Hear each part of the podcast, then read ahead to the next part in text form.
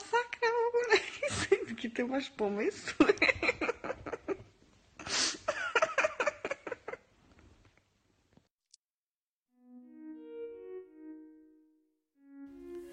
Co stało się z panią Dorotą?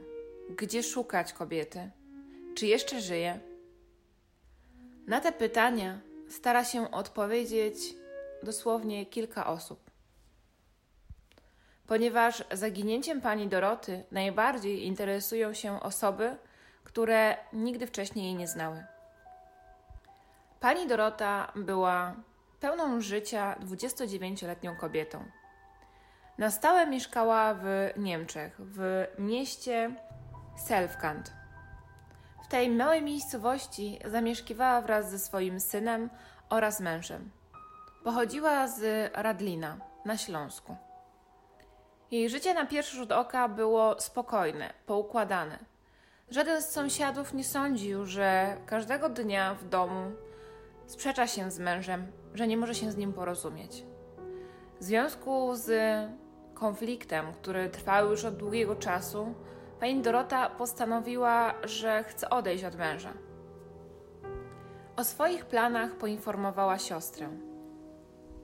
A 18 października 2016 roku, późnym wieczorem, chciała przekazać tą informację mężowi.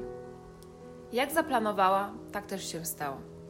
18 października późnym wieczorem w rozmowie z mężem oznajmiła, że chce odejść, że planuje zabrać syna i wyprowadzić się na sam początek do swojej siostry, która mieszkała na Bawarii. Tego dnia jej siedmioletni wtedy syn nie przebywał w domu. Znajdował się w Holandii u dziadków. Niestety, 18 października 2016 roku po raz ostatni można było usłyszeć o pani Dorocie. Późnym wieczorem, po kłótni i burzliwym rozstaniu z mężem, rzekomo pani Dorota zabrała ze sobą portfel z dokumentami oraz 90 euro i wybiegła z domu. Mąż nie był w stanie określić, w którą stronę poszła i gdzie dokładnie się znajduje. Po dwóch dniach zostało zgłoszone zaginięcie. Zaginięcie zgłosiła siostra Doroty, ponieważ od dwóch dni nie miała kontaktu ze swoją siostrą, a ta miała pojawić się u niej na Bawarii. Kiedy policja przybyła pod drzwi męża Doroty, pana Manfreda, ten nie otworzył im drzwi. Poinformował tylko policję, że jego żona uciekła i najprawdopodobniej uciekła do Polski. Jednak nie zgadza się tutaj wiele rzeczy. Pani Dorota na co dzień nosiła okulary, z którymi się nie rozstawała. Tego dnia nie zabrała ich ze sobą.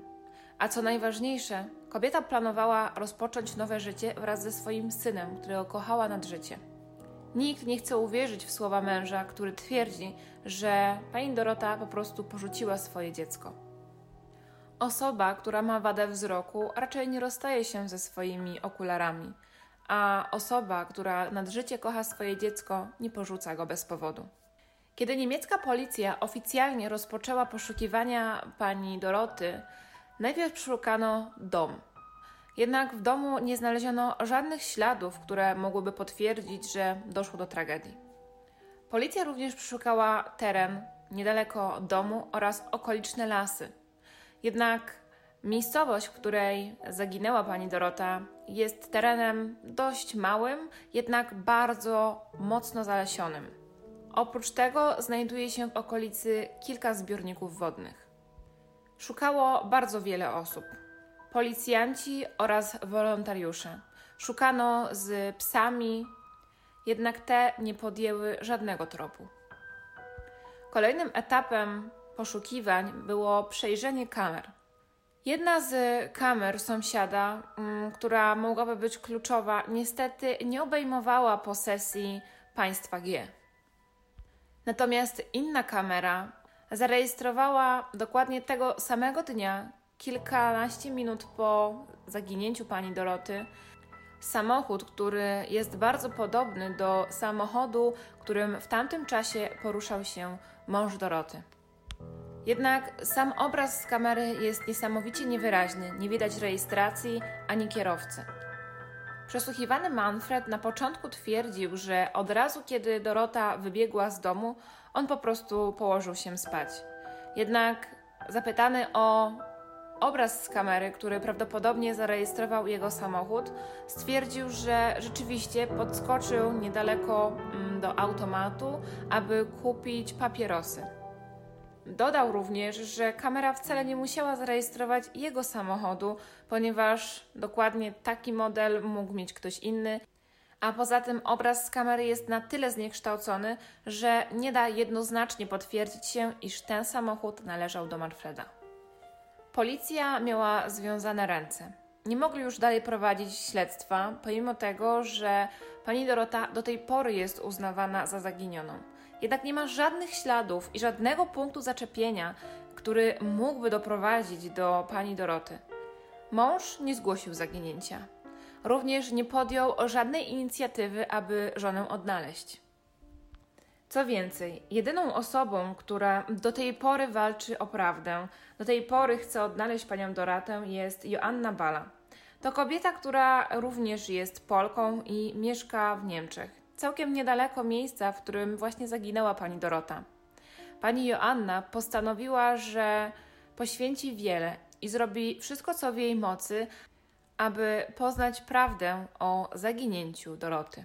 Jednak zanim przejdę do samych działań, które rozpoczęła pani Joanna Bala, chciałabym Wam przybliżyć jeszcze zeznania świadków, ponieważ y, oczywiście w sprawie Doroty zostali przesłuchani sąsiedzi. W pierwszej y, wersji zeznań powiedzieli, że tego samego wieczoru, kiedy to zaginęła pani Dorota, widzieli samochód, który posiadał holenderską rejestrację. Samochód ten miał podjechać pod dom właśnie chwilę po tym, kiedy rzekomo pani Dorota miała wyjść z domu. Z samochodu wyszedł mężczyzna, a mąż Doroty miał przenosić właśnie do samochodu na holenderskiej rejestracji e, pewien pakunek. Był on dość duży, zawinięty w folię. Dwaj mężczyźni wpakowali go do bagażnika, a następnie odjechali.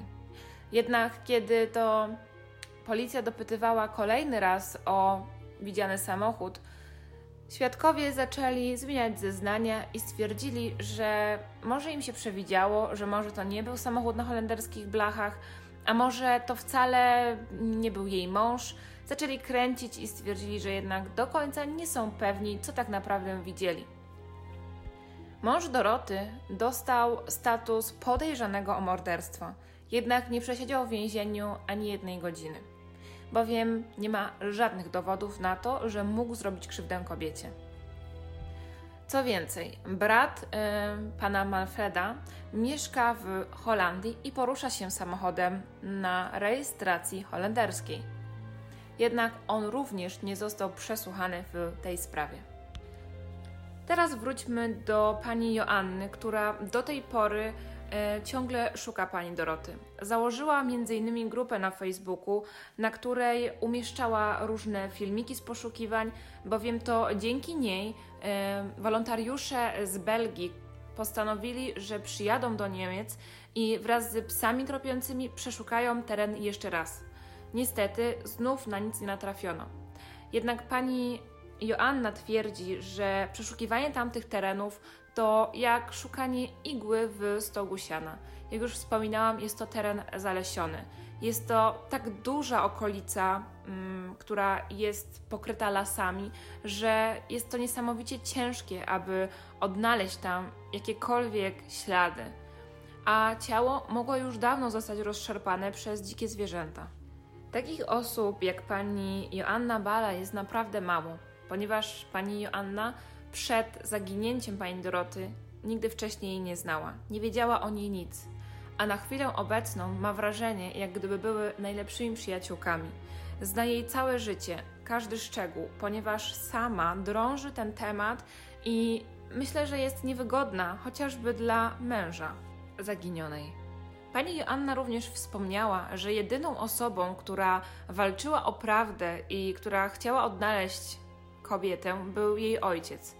Niestety mężczyzna zmarł w 2017 roku.